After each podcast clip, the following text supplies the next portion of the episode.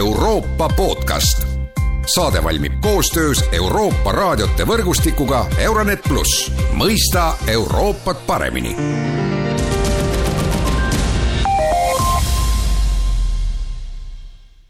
tere taas kuulama Euroopa podcasti. Ungari peaminister Viktor Orban tekitas taas rahvusvahelises meedias tugevat vastukaja, olles Hiinas surunud kätt Venemaa presidendi Vladimir Putiniga. Miks Ungari Venemaaga sõbrustab, sellest on täna stuudios kõnelemas avatud Eesti Fondi juhataja, Ungari ekspert Mall Hellam, tere päevast! tere! ja mina olen Erkki Pahovski. no seesama küsimus, et äh, miks siis Orban Venemaaga sõbrustab, lisaks sinna tulid ju uudised veel otsa Hiinast, et äh, et Gazprom tarnib Ungarile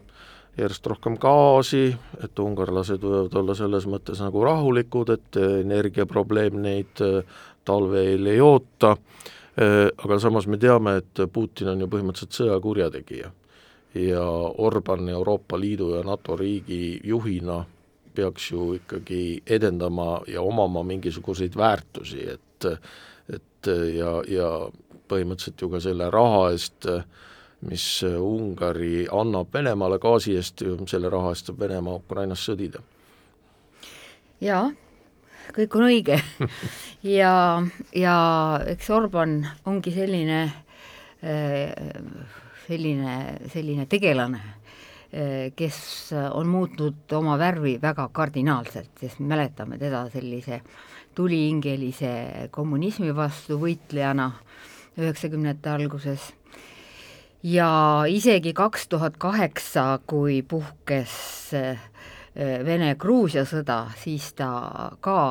väga äh, niimoodi innukalt kritiseeris Venemaad ja et sellist jõupoliitikat pole nähtud peale külma sõja lõppu ja nii edasi. ja siis käis väike krõks. aga mis, mis see krõks oli? siin on äh, erinevaid arvamusi et muidugi üks peamine krõks oli see, et ta soovis kohutavalt tagasi võimule saada Eh, mida ta ka tegi kahe tuhande kümnendal aastal. Ja mm, üks eh, võimalus oli õppida sellist autoritaarsetelt riikidelt. Ja noh, siin on teada, et ta on kasutanud ka neid nõunikke, keda Trump on kasutanud USA-s, siis kahe tuhande üheksandal aastal ta kohtus isiklikult Putiniga Peterburis siis saatis sinna hiljem omad äh, sellised lähedal seisvad nii-öelda majandusnõunikud, no mis nõunikud, sellised Ungari oligarhid,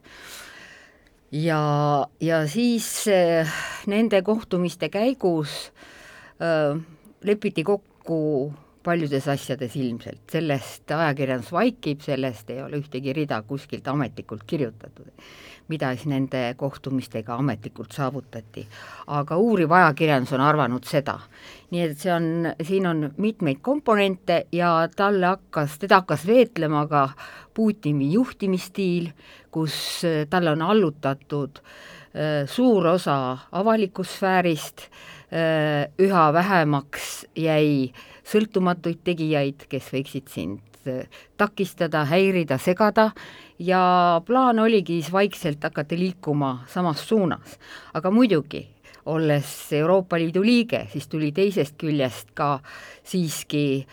äh, teha vähemalt nägu, et sa oled äh, ka osaline selles Euroopa Liidu protsessis. ja niimoodi ta on kõndinudki nagu ääre peal, et mitte liiga üle võlli lennata nii ühelt kui teiselt poolt, aga noh, peamiselt nende ida, idasuhete suunas. ja tal oli veel üks ettekujutus ilmselt, et peale suurt majanduskriisi kahe tuhandendate lõpus nii tema kui mõned tema lähedal seisvad isikud arvasid, et algab selline lääne majanduse langus ja ida majanduse tõus. ja siis ta otsustas ka seetõttu võib-olla rohkem mängida just Venemaa ja Hiina kaartidega. no Orban on selles mõttes ju väga osav poliitik, et ta saab Gazpromilt gaasi ja samal ajal suure tõenäosusega siis vabanevad Euroopa Liidu toetused, kui ta ühineb sanktsioonidega Venemaa vastu, nii et et ja seda olukorras, kus selline asi noh, peaks olema täiesti mõeldamatu, et et ühelt poolt, et, et sa saad nagu Vene gaasi ja siis veel saad Euroopa Liidult toetusi, üks ja seesama riik, üks ja sama poliitik, et eh, aga Euroopas, et noh, minu käest on ka küsitud, et kuidas Euroopa Liit sellist asja talub, et, et kas, kas ta teeb seda sellepärast, et oma nägu päästa, nii-öelda näidata, et Euroopa Liit ikkagi toimib ühtsena ja ei viska välja Orbanit Euroopa Liidus või ei kehtesta Ungari vastu sanktsioone, sest see muudaks selle olukorra keeruliseks või, või on selle taga midagi veel? no teatavasti on ikkagi Euroopa Liit kuulutanud pikka aega seda, et ta äh, austab liikmesriikide äh, iseseisvust ja, ja äh, kehtib subsidiaarsuse põhimõte, kus ikka suur osa erinevatest poliitikate valdkondadest on siseriikli- või liikmesriikide otsustada ja et peamiselt äh, ikkagi veel viimase ajani on Euroopa Liit tegelenud peamiselt majandusküsimustega. Nüüd on väga selgelt päevakorda kerkinud ka õigusriikluse küsimused. Ja teatavasti siis mõned aastad tagasi ilmus ka esimene Euroopa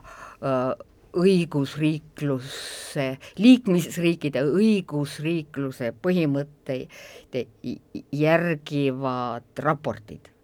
või raportid, mis jälgivad seda protsessi. nii et need on sellised äh, samm, äh, sammulised muutused Euroopa Liidu endas sees ka, et rohkem ikkagi kujundada seda väärtuspõhist äh, liitu. ja muidugi Viktor Orbani teod ju algasid tõesti juba kahe tuhande kümnendal aastal, natuke võttis aega, kuni hakati neid laiemalt märkama, et eh, meediat taltsutatakse, kohtud ei ole sõltumatud, et korruptsioon lokkab, aga kõik see ju ei toimu üleöö, see toimub vaikselt ja, ja samm-sammuliselt. ja nüüd ka Euroopa Liit on hakanud just viimastel aastatel siiski sellele suuremat tähelepanu pöörama ja tänu sellele õigusriikluse raportile siis Ungari on ilma jäänud ikka väga suurtest summadest ja praegu on ootel seitse koma viis miljardit eurot. Ungari on lubanud ja võtnud kohustuse teha äh, seitseteist äh, väiksemat või suuremat reformi nendes kriitilistes valdkondades, aga just eelmisel nädalal avaldatud äh, Euroopa Parlamendi liikmete ülevaade näitab, et, et saavutused on tagasihoidlikud, et tegelikult arengut ei ole ja mõned muudatused, mis on tehtud, on suhteliselt formaalselt nii et äh, siin saab vaadata äh,, kuidas edasi läheb, muidugi Ungari vajab seda raha väga. Aga Orban on ilmselt midagi lubanud ju. ja ta on just need seitseteist punkti, äh, mida ta lubas täita, aga nagu ma ütlesin, et seal ei ole eriti midagi raporteerida. Äh, teisest küljest muidugi tal on seda raha vaja, aga ta loodab ikka sellele, et ehk leiab toetust mõne temaga samameelse riigi poolt, kui on vaja äh, mingeid otsuseid langetada.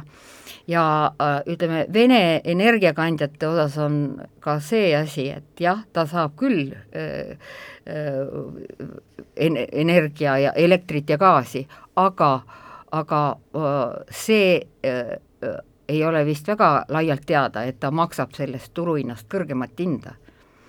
nii et see ei ole talle sugugi nii väga äh, kasumlik. see on rohkem nagu, ma ei tea, poliitiline lüke rohkem. nii et jah, see pilt on suhteliselt segane, nüüd jah, ja tal on käes ikkagi mitmed trumbid, millega ta opereerib väga osavalt. näiteks nagu äh,, nagu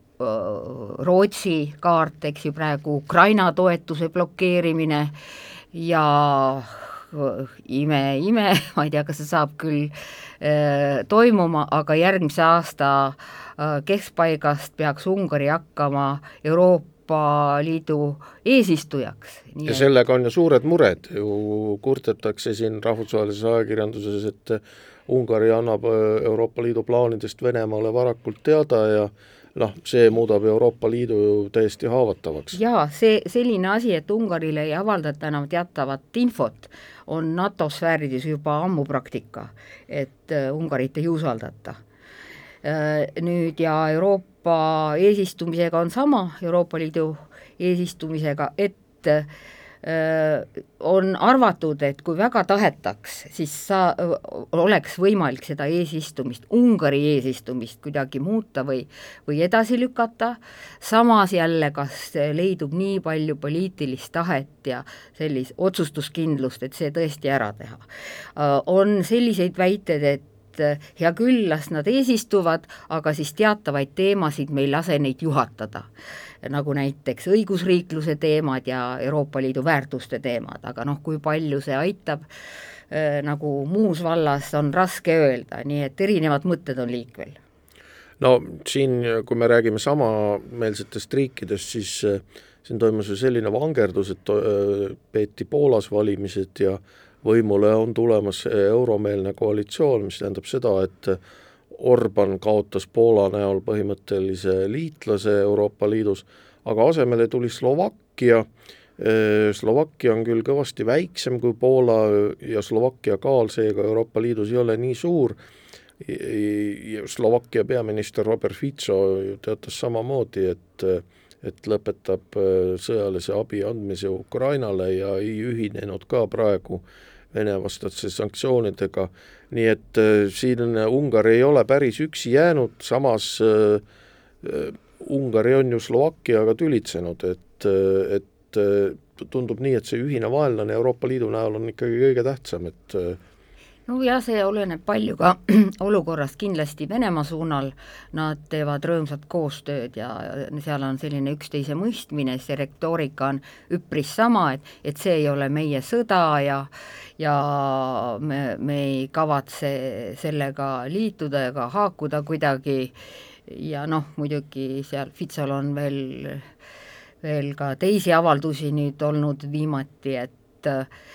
et eh, iga sanktsiooni puhul nad kaaluvad või Slovakkia siis kaalub väga põhjalikult, eh, kui palju see mõjutab slovakkide elu ja tulevikku ja majandust, et siis vastavalt sellele hakkavad ka hääletama, aga noh, põhimõtteline suund on sama, selline Kremli-meelsus eh, ja igal juhul Ungari mittetoetamise taotlemine nii palju, kui see on võimalik ja täitsa ühemõtteliselt. et see on muidugi väga halb uudis. ja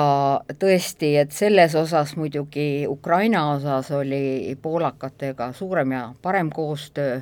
Euroopa Liidul, aga muidugi jällegi migratsiooniküsimustes ja ja õigusriik samamoodi. ja õigusriiki, riigi küsimustes olid Poola ja, ja Ungari ühel meelel ja, ja ühel poolel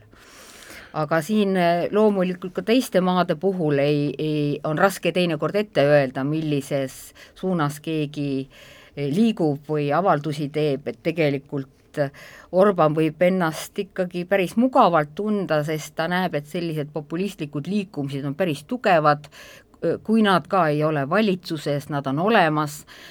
nad on populaarsed väga paljudes maades, Euroopa Liidu liikmesriikides, nii et, nii et selles mõttes ta ei ole üksi. jaa, no ja Ukraina ise, et, et noh, jääb ikkagi arusaamatuks, miks Orban ikkagi ei taha Ukrainat aidata, noh, siin tuuakse ettekäändeks jah, Ungari toob ettekäändeks selle, et et Ungari rahvusvähemus Ukrainas on kuidagi represseeritud ja neid ei kohelda hästi, aga ma meenutan, et äh, lihtsalt, et äh, selle Ungari rahvusvähemusega on olnud probleeme ka paljudes teistes riikides, ütleme Rumeenias, sealsamas Slovakkias, Serbias ja Ungari on ju kritiseerinud neid riike samamoodi, nüüd nagu me jõudsime tõdeda, siis noh, põhimõtteliselt Ungari ja Slovakkia on ühes paadis, ehkki ehkki see Ungari rahvusvähemus Slovakkias oli ju ka kümmekond aastat tagasi suur probleem, et miks see, miks see miks see Ukraina ikkagi Ungarile niimoodi ette jääb? Sellepärast, et äh, Venemaa sõdib Ukrainaga. siin on nagu no lihtsalt geopoliitika. absoluutselt. ja no ütleme, äh, see, kui sul on äh, sinu rahvakillud ja kogukonnad on teistes maades, see on see muutub alati väga suureks argumendiks ja trumbiks, noh, eriti autoritaarsete kui, kui sa tahad tülitseda ja ettekäänet tekitada. alati leiab põhjuse jah, jah, jah. Aga aitäh, Mall Hellam stuudiosse tulemast, see oli tänane Euroopa podcast, kõike head ja kuulmiseni!